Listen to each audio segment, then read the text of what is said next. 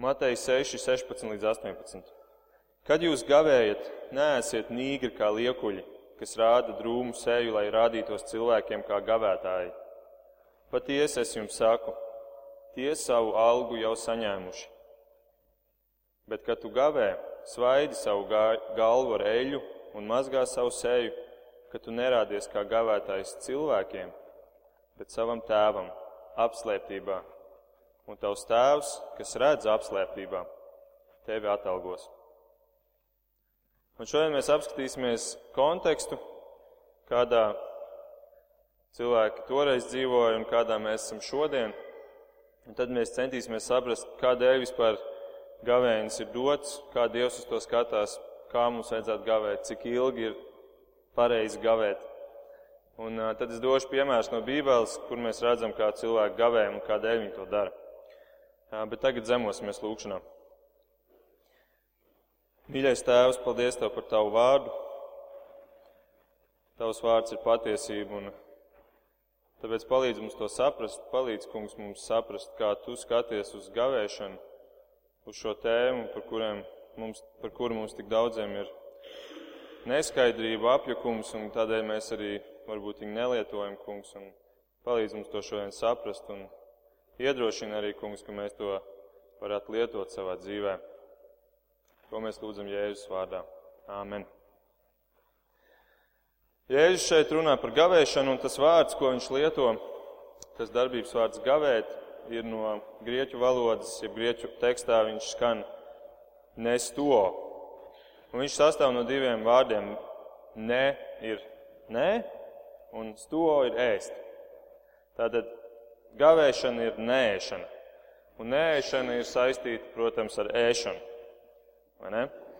Tādēļ mēs mazliet parunāsim sākumā par ēšanu. Mums visiem ļoti aktuāla tēma. Un, protams, ēst ir labi, un, un, un, un Dievs saka, ka mēs visu varam ēst. Mūsdienās ir moderni ļoti ierobežot to, ko var ēst, ko nevar ēst. Un, un ir visādas kustības, kuras nesaukšu vārdā. Un, un, protams, ir jāierobežo tas, ko mēs ēdam. Tā iemesla dēļ, ka daudz kas ir sagatavots izmantojot ķīmijas un visādas ēvielas un tā tālāk, kas mums nav labi mūsu ķermenim. Tāpat ir lietas, kas ir cēptas eļļā, kuru būtu jāmaina daudz biežāk.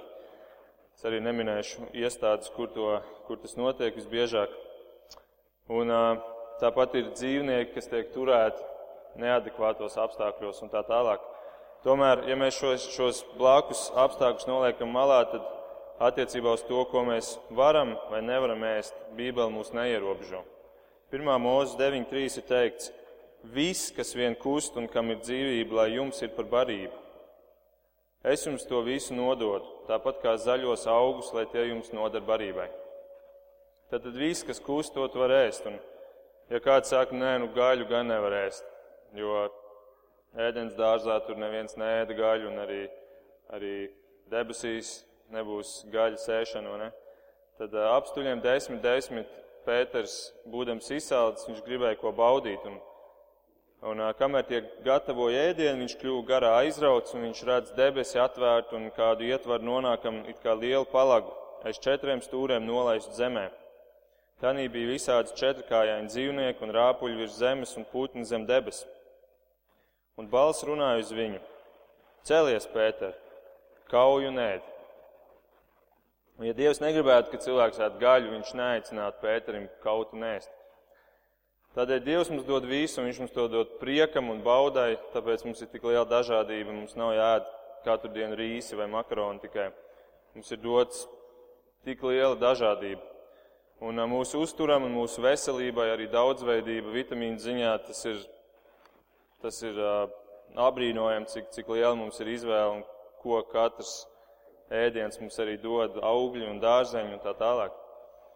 Un, protams, arī ēšana ir svarīga sadraudzībai, ne? jo kur, kur gan mēs vairāk nākam kopā un, un esam arī sarunās kā pie galda. Bet kā jau visu pārējo arī ēšanu var izkropļot. Galējais izkropļojums ir kanibālisms? Tas ir varbūt tāds pats tālākais grāvis, bet arī daudzuma ziņā cilvēks bieži vien šauj pāri robežai. Un es teiktu, ka mēs, esam, mēs dzīvojam tādā laikmetā, kur mēs esam visizlutinātākie cilvēki, man liekas, varbūt pat visā vēsturē, kur mums ir apkārt restorāni un kafejnīcas, un mēs varam pat neiziet, neizjot no mājas, pasūtīt caur internetu pārtiku sev uz mājām un tā tālāk. Mums ir visā apkārt šis aicinājums nākt un pirkt un ēst un ēst, cik vien vajag. Un, un varbūt iepriekšējā lūkšanā, ko mēs studējām, kur Jēzus saka, dod mums dienišķo maizi, Varbūt mums tas pat liekas tāda sveša lieta, kā dienascho maizi. Nu, man maize ir pa pilnam, un es, man tāda lieta nekad nav pietrūkusi. Bet ir interesanti, ja palasi literatūru, tad arī Romā. Roma bija ļoti izlutināta. Viņiem bija 76 svētku dienas gadā, kur viņi nāca un svinēja un ēda. Un, un literatūra liecina, ka viņiem banketi vilkās no 4 pēcpusdienā līdz pat pēc pusnakts, un viņi ēda delikateses nepajokam. Viņi ēda strausu spārnus, viņi ēda flamingo mēles, kolibrī mēlītes, kuras noteikti vajag ļoti daudz apēst, lai jūs tos paēdis.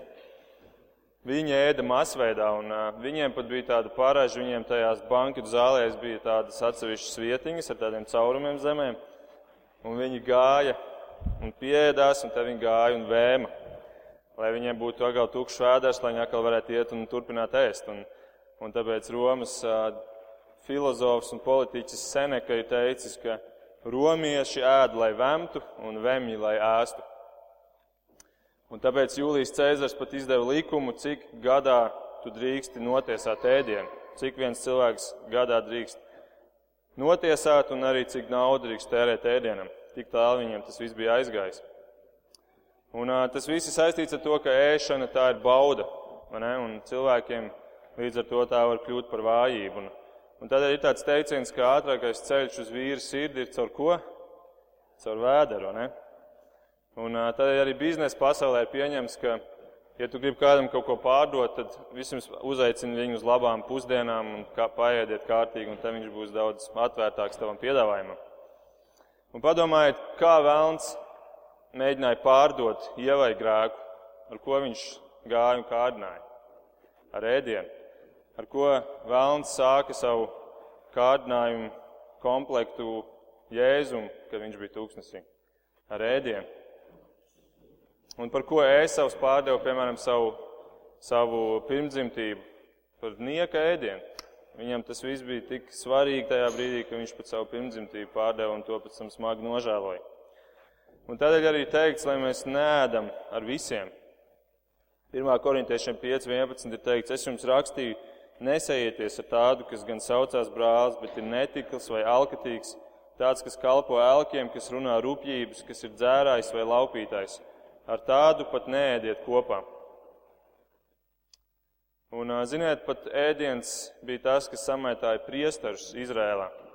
Viņiem bija pienākums, tad, kad nāca un upurēja gaļu, tad to labāko daļu tu dod dievam, un tad atlikumu tu ņem sev kā priesteris, kā tavam uzturam. Bet viņi darīja tā, ka viņi ņēma sev labāko un to atlikumu, to netik foršo gaļu, to viņi atstāja Dievam. Un tāpēc Dievs saka Ēlim par viņa diviem dēliem, 1. Samuēl 2.29. Kāpēc tu savus dēlus vairāk godā nekā mani, ka jūs paši uzbarojaties no manas tautas Izraēla, pirmo augļu un pirmdzimušo dāvanu upuriem?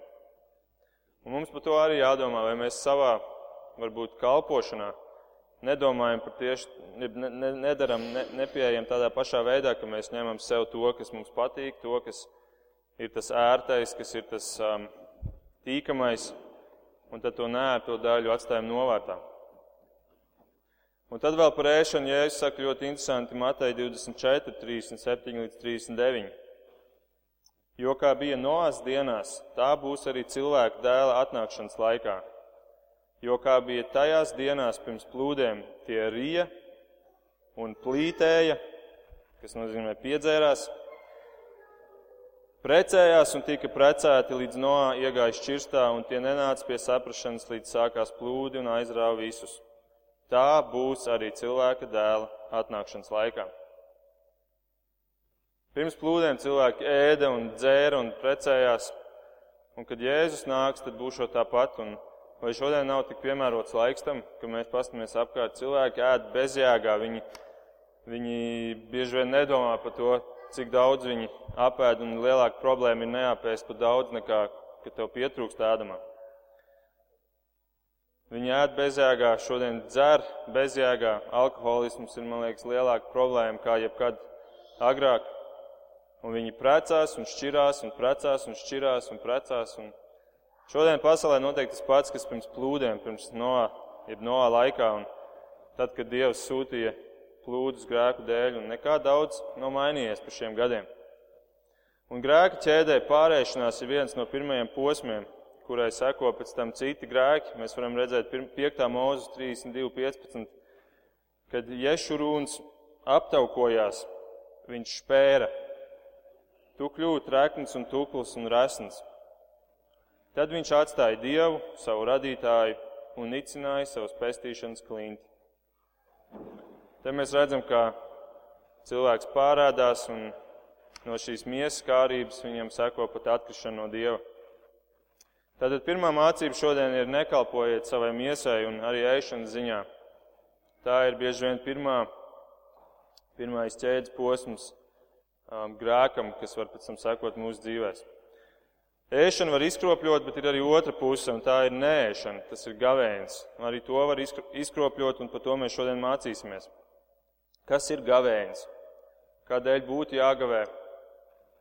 Vai Dievs to sagaida no mums kā kristiešiem? Un, un kā mums to pareizi darīt, cik, cik ilgi vajadzētu gavēt. Tie ir tie jautājumi, un sāksim ar to, ka Bībelē pavēlēts gavēt ir tikai vienu reizi. Un tas ir 3. mūzika 16, kur ir teikts, ka 7. mēneša 10. dienā jums būs savs dvēseles pakļaut gavēnim, un jums nebūs strādāt nekādu darbu. 7. mēneša 10. dienā, ja jūs uzmanīgi klausījāties, ko Mēs ievadā lasījām um, to, ko mēs lasījām no, no, no Caharijas grāmatas, tad tur bija arī pieminēta pati 7. mēneša 10. diena. Tad šī ir tā vienīgā reize, kad Dievs saka, ka jums ir jāgavē viena diena gadā. Un uh, Izrēlam šo, tas bija tāds valsts pasākums, tas bija pasākums, ko sauc par Jom Kipur, jeb salīdzināšanas diena, kur Dievs aicināja tautu nākt un salīdzināties ar viņu. Un, ja jūs atceraties, pāris reizes atpakaļ mēs runājām par, par eh, ceremoniālo likumu. Jā, varbūt jūs atceraties, ja nē, jūs varat noklausīties svētrunu, kur, kur mēs runājām par bauslības piepildīšanu. Un atcerieties, ko mēs runājām, ka Jēzus atcēla ceremoniālo likumu. Kad Jēzus nomira, tad šis ceremoniālais likums tika atcelts. Tādēļ mūs, mūsdienās šodien šis, šī pavēle vairs nav spēkā. Mums, kā kristiešiem, šī pavēle vairs nav spēkā. Un kolosiešiem 2.16 mēs varam lasīt, tad, nu, lai neviens jūs vairs netiesā par ēdienu un dzērienu un par attieksmi pret svinamām dienām, vai jaunmēnes svētkiem, vai sabatu. Tas viss ir kā nākamības ēna, bet pati nākamība jau ir Kristu. Tātad Kristus ir atnācis, viņš to visu ir piepildījis. Un nekur citur gavēšana nav pavēlēta. Un tāpēc Pāvils saka, um, ka viņš ir bieži gavējis, bet viņš nekad to nepavēl mums darīt. Viņš ļoti daudz lietas mums pavēl darīt, bet gavēšanu viņš nekad nepavēl. Un līdz ar to gavēšana tā ir tāda spontāna, personīga, labprātīga izvēle, nevis kādas pavēles izpilde. Un Kalnu svētrunas laikā gavēšana bija plaši izplatīta. Tādēļ Jēzus arī viņu piemin šeit pie tām trim liekulībām, kur viņš saka, ka ne, nedodiet dāvans kā liekuļi, visiem redzot, un nelūdziet, un arī negavējiet kā liekuļi. Un viņam bija pamats to darīt, to teikt, jo Talmuds, kas ir rabīnu likumu grāmata, ko viņi paši bija sarakstījuši, lai izdomātu un, un nodefinētu Mūzes dotos likumus līdz, līdz pat absurdam sīkumam, viņš mācīja, ka, ka ja tu gavē, tad tu vari tikt glābts caur gavēšanu. Vai arī, ja tu, pēl, ja tu bēr pelnus uz galvas, ka caur to tu vieglāk saņems glābšanu. Un tas pats arī, ja tu dod nabagiem dāvans un tā tālāk. Var sakot, pilnīgi sagrozīts, viss bija padarīts ārišķīgi un caur darbiem tu varēji to nopelnīt. Un tāpēc jūdi gavēja divas reizes nedēļā. kā Talmudai teikts. Un, un tā bija otrā un piektā diena nedēļā. Un zinat, kādēļ? Viņi to skaidroja tā, ka otrajā dienā Mūzes kāpa kalnā, Sinai kalnā, lai saņemtu bauslību, un piektajā dienā viņš kāpa lejā no kalna. Un tāpēc viņi gavēja otrajā un piektajā dienā. Bet, ja paskatās reālo situāciju Izrēlā, tad tieši šajās dienās bija tirgus dienas. Tieši šajās otrajā nedēļas otrajā un piektajā dienā visi nāca no laukiem uz pilsētām, lai sapirktu pārtiku. Un, un tad, ja tu gavēji, lai izrādītos cilvēkam, tad šīs bija tās īstās dienas, kad to darīt. Un tā viņi staigāja ar izpūrušiem matiem, ar izbalnātām sejām, ar pelniem uz galvas, lai viņi izskatītos super garīgi. Un, un uh, saprotot šo kontekstu, varbūt uh, kļūst arī skaidrāks tas, ko Jēzus šajā, šajā šodienas tekstā mums saka, ka, ka neiet nedarot to āršķirīgi. Labi, cik garš ir gavēnis, cik garam vajadzētu būt gavēnim.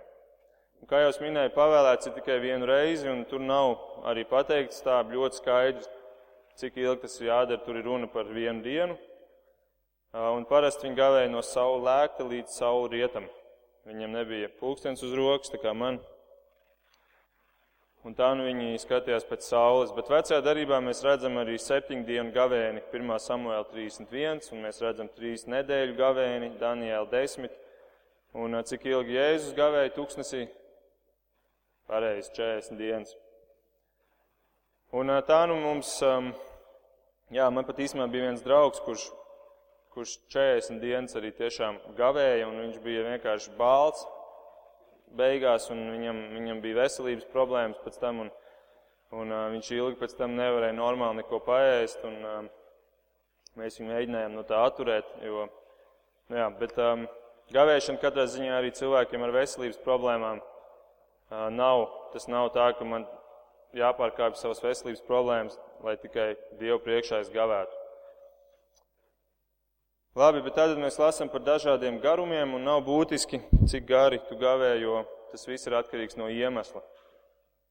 Un tad mēs nonākam pie nākamā jautājuma, kas tad ir gavēnis? Un kā jau minēju, tā ir nēšana.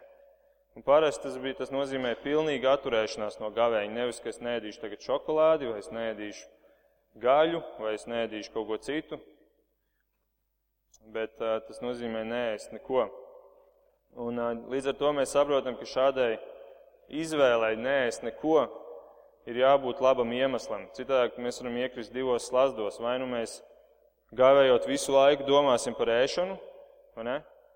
Es esmu arī agrāk mēģinājis gavēt, un, un, un viss, par ko es tajā dienā varēju domāt, ir, ir pirmkārt ēdiens, ēdiens, otrkārt skatījos laik pulkstenī, kad pienāks pusnakts, kad varēšu atkal paēst. Un, un, ja tev nav pareizs iemesls, tad tu visu laiku domās par šo. Vai arī tu kļūsi paštaisns un sev uzsitīs pa plecu, tā kā farizēji to darīja, un darīs to, lai kādam izrādītos. Tāpēc ir jābūt iemeslam. Un gavēšana vienmēr ir saistīta ar iemeslu. Viņa gavēšana nekad nav tāda paša iniciatīva, jeb tāds pašmērķis, ko es tagad izdomāju, darīsim, es to tagad darīšu Dievam par godu vai tam līdzīgi. Un tāpēc patiesībā gavēns ir kaut kas, ko tu nevis izvēlies darīt, bet no kā tu nevari izvairīties. Gavēns ir kaut kas, ko tu nevis izvēlies darīt, bet ko tu, no kā tu nevari izvairīties. Jo tev tas vienkārši tas iemesls tev spiež to darīt.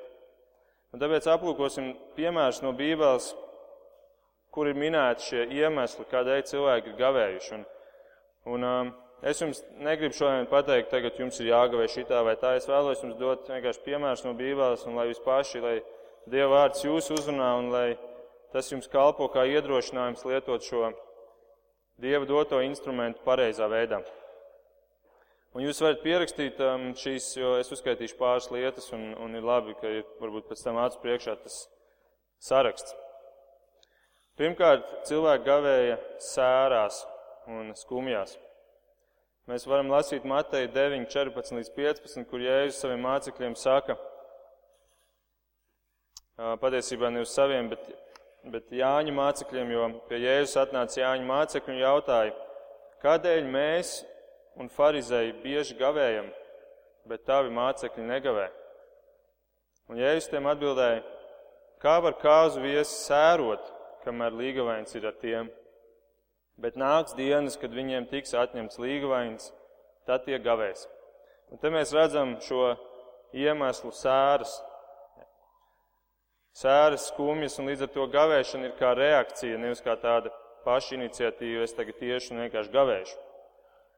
Un daži gavēja, lai saņemtu uzreiz kādus rezultātus, līdzīgi kā iemetot monētu aparātā un sagaidot pretī produktu, bet uh, gavēņa doma nav. Nav šāda, tas nav tāds mehānisks rīks.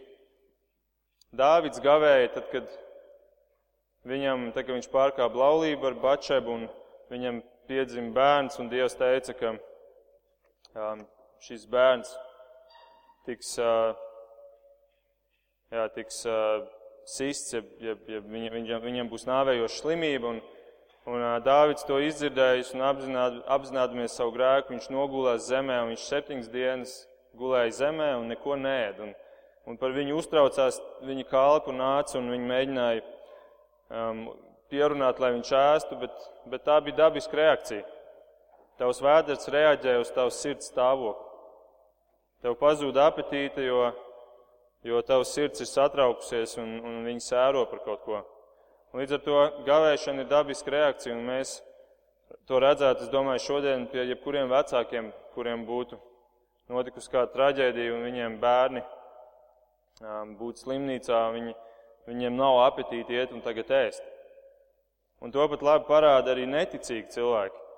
Tad, kad bija, piemēram, Maksims traģēdija, tad tad ļoti daudzi cilvēki, kuri bija iesaistīti šajā traģēdijā, viņi gavēja savu tuvinieku dēļ, pat kaut arī viņi bija neticīgi. Viņi nevarēja domāt par ēšanu, un es tagad iešu un ēdīšu. Viņi bija skumjās, un tāpat ir arī ar slimībām un ar, ar citām, citām problēmām, kuru dēļ tu esi, tavs sirds ir satraukusies un noskumusi. Otrs iemesls ir bailes. bailes. Un Bībelē cilvēki bijuši tādās briesmās, ka viņi bijuši tik ļoti nobijušies, ka viņi nedomā par ēšanu. Otrā laika 20. nodaļā, 3. un 4. pants. Tad Jošafāts izbijās, un viņš apņēmās meklēt un sastapt to kungu, un viņš izsludināja gavēni pa visu jūdu. Kad jūdas ļaudis bija kopā sapulcējušies, lai meklētu palīgu no tā kunga, un viņi sanāca no visām jūdas pilsētām, lai izlūgtos no tā kunga palīdzību. Tātad cilvēks bija izbijies un, un izsludināja gavēni. Vai arī Estere, kura gāja glābt jūdus, kuri baidījās par Hamana plānu iznīcināt. Mēs lasām Esteras grāmatā 4.16. Viņa saka, ej, sapulcini visus jūdus, kas atrodas sūsās, un gavējiet manis dēļ, nēdiet un nedzeriet trīs dienas un naktis. Arī es ar savām kalponēm tāpat gavēšu. Un pēc tam es iešu pie ķēniņa, kas kas gan nav pēc likuma, un ja es aiziešu bojā, tad aiziešu bojā. Vai arī Eizra, kurš veda ārā Izraēlu no Babilonijas, viņam bija tas uzdevums dots vēst ārā no trimdas, un viņš ir izbijies, ka viņš stājas, ka viņš uzsāk šo ceļu, šo bīstamo ceļu.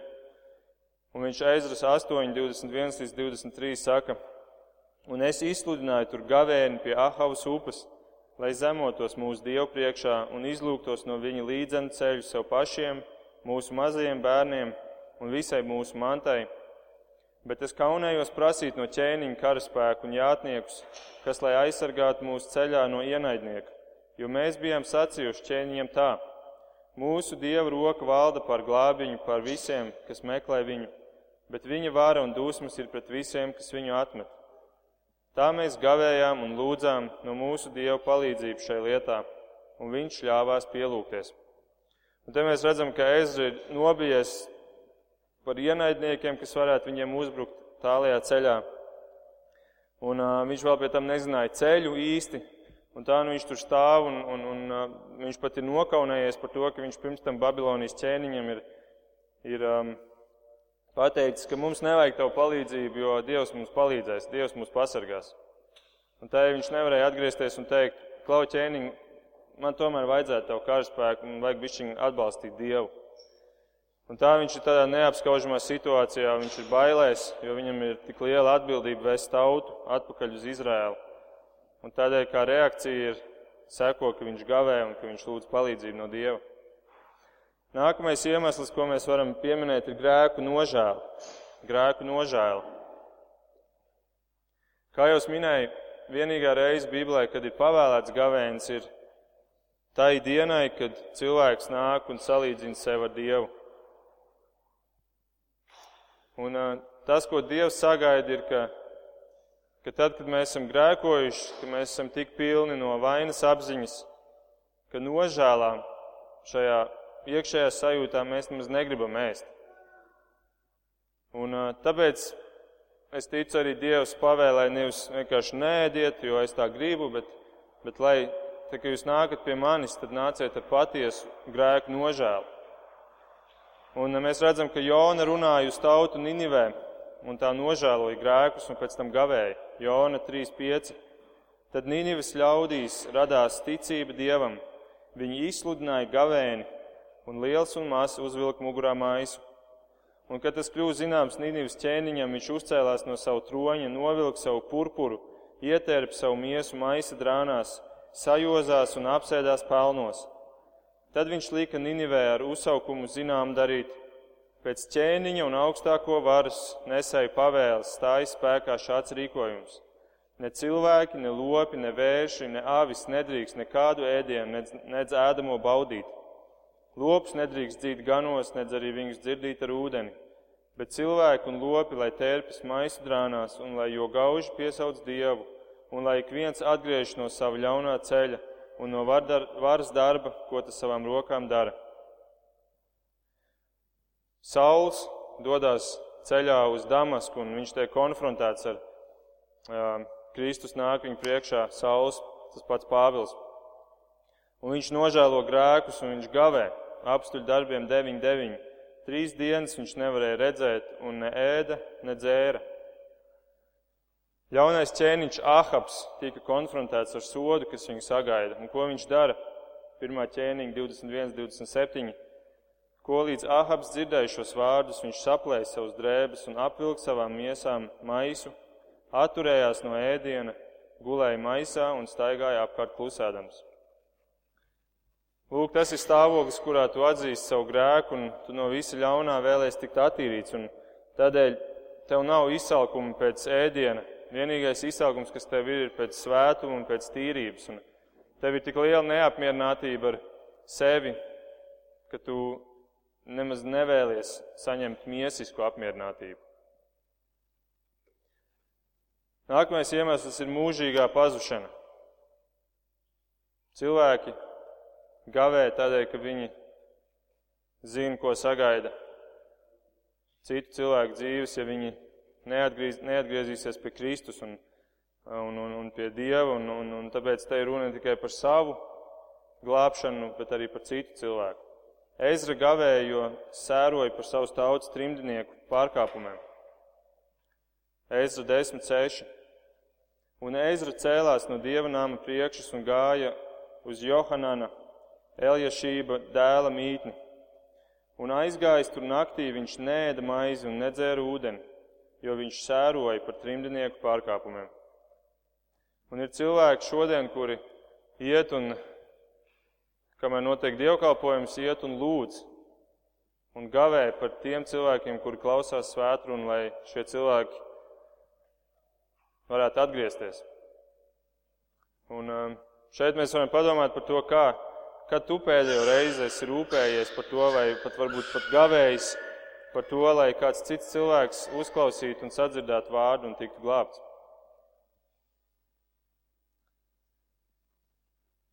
Un pēdējais iemesls, un ir arī, protams, vairāk iemeslu Bībelē, es vienkārši esmu izņēmis tādus, varbūt galvenos, ir vadība, jeb atbildes meklējot. Un te mēs varam runāt gan par draudz kopumā, gan arī par jūsu katru personīgo dzīvi. Par draudz runājot apstuļu darbiem 14.23 mēs lasām, ka viņi iecēla draudzēs presbiterus un ar lūkšanām un gavēšanu uzticēja viņu, viņus kungam, kuram tie bija sākuši ticēt. Tātad viņi nemeklēja savus vadītājus, savus kalpotājus, kuri ies un vadīs draudzi pēc kaut kādiem politiskiem iemesliem vai kritērijiem vai pēc kaut kādiem ekonomiskiem kritērijiem, bet viņi gavēja. Un vai šodien šī tēma nav tikpat aktuāla un cik mēs to darām, cik, cik bieži vien, man liekas, sveši ir šī pieeja, ka, ka mēs domājam par to, kas ir tie cilvēki, kuri ir mūsu vadītāji, kā mēs varam par viņiem lūgt un par viņiem gavēt. Un, un, uh, tas viņiem ir nepieciešams. Un tas ir arī varbūt mērķis, ko mēs kā draugi varam iet un par ko mums ir jādomā. Bet ir arī personīgā dzīve par tavu. Tu vari lūgt un gavēt par tiem jautājumiem, kas, kas tev stāv priekšā, liela notikuma dzīvē, vai svarīgas izšķiršanās, vai svarīgi lēmumi. Piemēram, ja tu meklē savu otro pusīti, tad um, mēs lasām, ka 1. mūzes 24, kura Ābrahāms sūta savu kalpu atrast viņa dēlam Īzakam sievu, šis Ābrahāma kalps, viņš vispirms gavē, viņš nāk Dievu priekšā un, un paliek klus, un viņš gavē, lai, lai, lai izlūgtos no Dieva šo vadību un šīs atbildes. Un, un viņš iet un viņš atrod. Un, ja tu meklē atbildes par, jā, par to pašu otrās pusītes tēmu vai par to, kur, tu, kur tev vajadzētu iet kalpot, vai kur tev vajadzētu iet studēt, vai tev, ko tev, kā tev izlemt kaut kādos jautājumos svarīgos savā dzīvē, tad meklē, gavējot un lūdzot. Tas ir veids, ko cilvēki Bībelē ir darījuši. Un, un šie visi iemesli - skumjas, bailes, grēka nožēla, mūžīgā pazušana, vadība un arī citi. Šajos visos iemeslos mēs redzam, ka gavēšanai kopā nāk kāda cita lieta. Vienmēr, kad kāds nāk un gavē, tad viņi arī lūdz. Nekad gavēšana nav tāda lieta, ko tu dari atsevišķi, ko tu izdomā, teikt, ir vienkārši gavēšana. Un ja jūs ejat un gavējat, tad, tad patiesībā pamats visam ir lūkšana, un gavēšana nāk klāt pie lūkšanas. Tu vari lūgt bez gavēšanas, bet tu nevari gavēt bez lūkšanas. Un, ziniet, visās rakstvietās, vecajā un jaunajā derībā, kur ir runa par gavēšanu, kur ir pieminēta gavēšana, tur vienmēr ir klāt arī pieminēta lūkšana. Griešanās pie Dieva ar savu, ar savu vajadzību. Un, un, um, un tas līdz ar to mūs aizved pie nākamā un pie pēdējā punkta Proti, ka ir kāds nosacījums gavēšanai. Ja mēs atceramies, par ko mēs iepriekš runājām, pirms šīs gavēšanas tēmas, tad uh, mēs runājām par lūkšanu. Un uh, to, ko Jēzus tur mācīja, tā galvenā doma bija, ka tev ir jānāk lūkšanai no sirds. Un ka tev ir jānāk šai vēlmei un, un, un tavām lūkšanām un lūgumiem Dievu priekšā, viņam ir jānāk no šķīstas sirds. Mēs runājam par to, ka ja nekristietis nāk un lūdz Dievu, tad Dievs, Dievam nav jāuzklausa šādas lūkšanas. Un tāpat ir ar gavēšanu. Tādēļ Jēzus šeit norāja rakstu mācītājus un farizējus, jo viņi nāca ar nešķīstām sirdīm. Viņi nāca un viņu gavēšana tas bija tāds viltojums. Un atcerieties vēlreiz to, ko mēs lasījām ievadā no Caharijas septiņu. Dievs tur jautā, visus tos gadus, kad jūs gavējāt, jūs tiešām domājat, ka tā gavēšana bija man? Jo aiz gavēšanas ir jābūt šķīstai sirdī un paklausības pilnai dzīvei. Un kamēr nebūs šīs lietas, tikmēr tavu gavēšana ir lieka, tā būs domāta cilvēkiem, un to arī saņemsi no cilvēkiem algu. Bet tādēļ gavē tā, lai neviens nezina. Un te ir teikt, svaidi galvu ar eļu. Tas nozīmē, eļa tajā laikā bija tā kā mums šodien smaržas. Tas nozīmē, sapucējies, sasmažojies tā, lai tu izskaties tāpat, kā tu izskaties ikdienā. Un ja tu, piemēram, nonāc situācijā, kur gavējot, tu, tev ir kāda kompānija, kur jūs ēdīsiet, un, un kur, kur, kur šī kompānija pieprasa arī, kad ja piedāvā tev, ka tev ir jāiet, tad labāk labāk ēd, nekā izziņo visiem, ka tu esi redz gavēnī. Jo Dievs to sapratīs. Dievam nav svarīga šī āršķirīgā mehāniskā izpilde, Dievam ir svarīga tavs sirds. Sakopies, lai cilvēki neredz, tad Dievs redzēs, un viņš arī atmaksās. Un tad gavēnim ir spēks. Un mēs šeit redzam vēl, ka Jēzus nesaka, gavējiet, pavēlot mums gavēt. Viņš arī nesaka, negavējiet, aizliedzot, bet viņš saka, kad jūs gavējiet, kad jūs gavējiet, pieņemot, ka mēs to darīsim. Bet mēs to varam darīt tikai no skaidrām sirdīm un ar tīrām dzīvēm. Un, tāpēc es noslēgšu ar, ar lasījumu vēl no Jēsaja 58, 3, un es vēlos arī, ka jūs atverat šo rakstvietu, kura ir kā tāda vecajā derībā, varbūt tāda centrālā rakstvieta par gavēni. Jēsajas 58, sākot no 3. panta.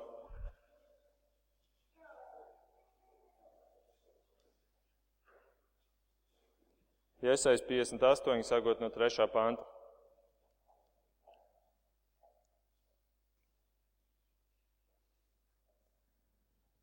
Kādēļ mēs gavējam, viņi saka, un tu to neredzi?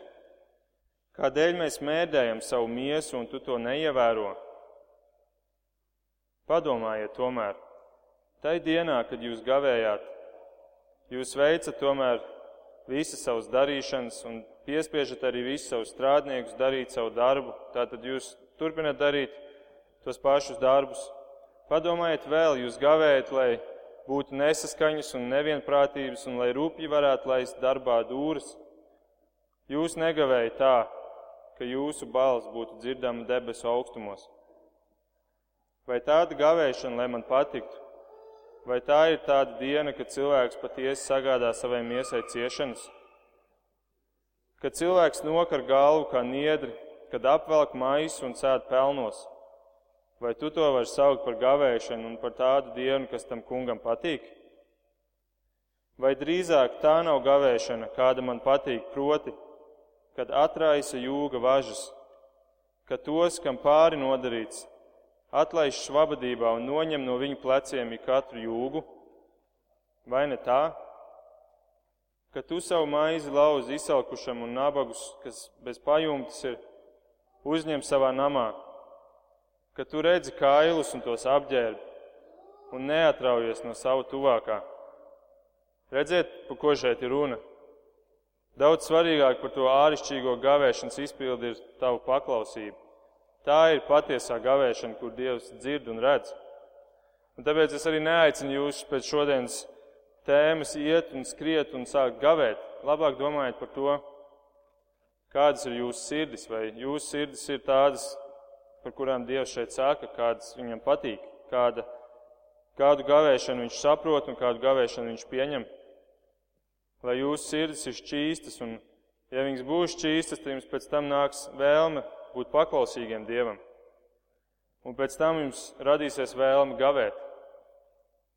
Un tad Dievs dos atbildi, un tā būs tā alga debesīs, ko Jēzus šeit minēja Matei 6. Un tā alga ir arī lasāma turpinājumā tajā pašā Iesais 58, turpinam lasīt no 8. panta. Dievs saka, tad, tad tava gaisma atmirdzēs kā rīta blāzma, tava atzimšana notiks ātrāk, tava taisnība ies tavā priekšā, un tā kunga godība tev pavadīs. Kad tu sauks, tas kungs tev atbildēs. Vai mēs visi to negribam?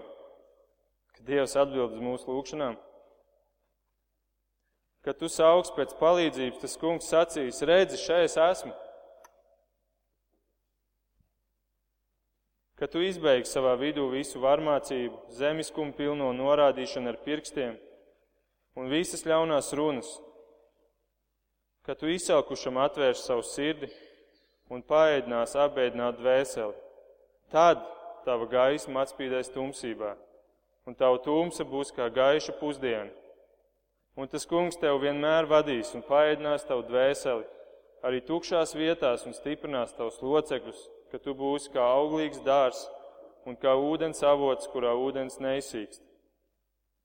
Tu uzcēls vecās postu vietas, tu atjaunos agrāko cilšu pamatus un tevi sauks par plaisu pielīdzinātāju un par apdzīvojamu vietu atjaunotāju. ka tu attur savu kāju no sabata pārkāpšanas un nedari manā svētā dienā pēc savas patikas, bet nosauc dūsas dienu par svētu prieku un par tā kunga svēto dienu, un to turi godā, neizlietodams to saviem ceļiem, savu veikala nokārtošanai un tukšām valodām. Tad tas kungs būs tavs prieks. Es tev vadīšu zemes augstumos, un es tev došu tavu tēva jēkabu mantojumu jo tā kunga mūte tā ir runājusi. Un Dievs to saka Izrēlam, un Dievs to saka arī mums. Mums, uz mums vairs neatiecās sabats, tā kā viņiem bija, bet uz mums attiecās tas pats paklausības likums. Un tāpēc, lai Dievs mūs to svētī, ka, ka gavēšana nāk kā tāda dabīga reakcija no mūsu sirdīm par rūpēm, gan mūsu dzīves rūpēm, gan arī citu cilvēku rūpēm. Lūksim Dievu.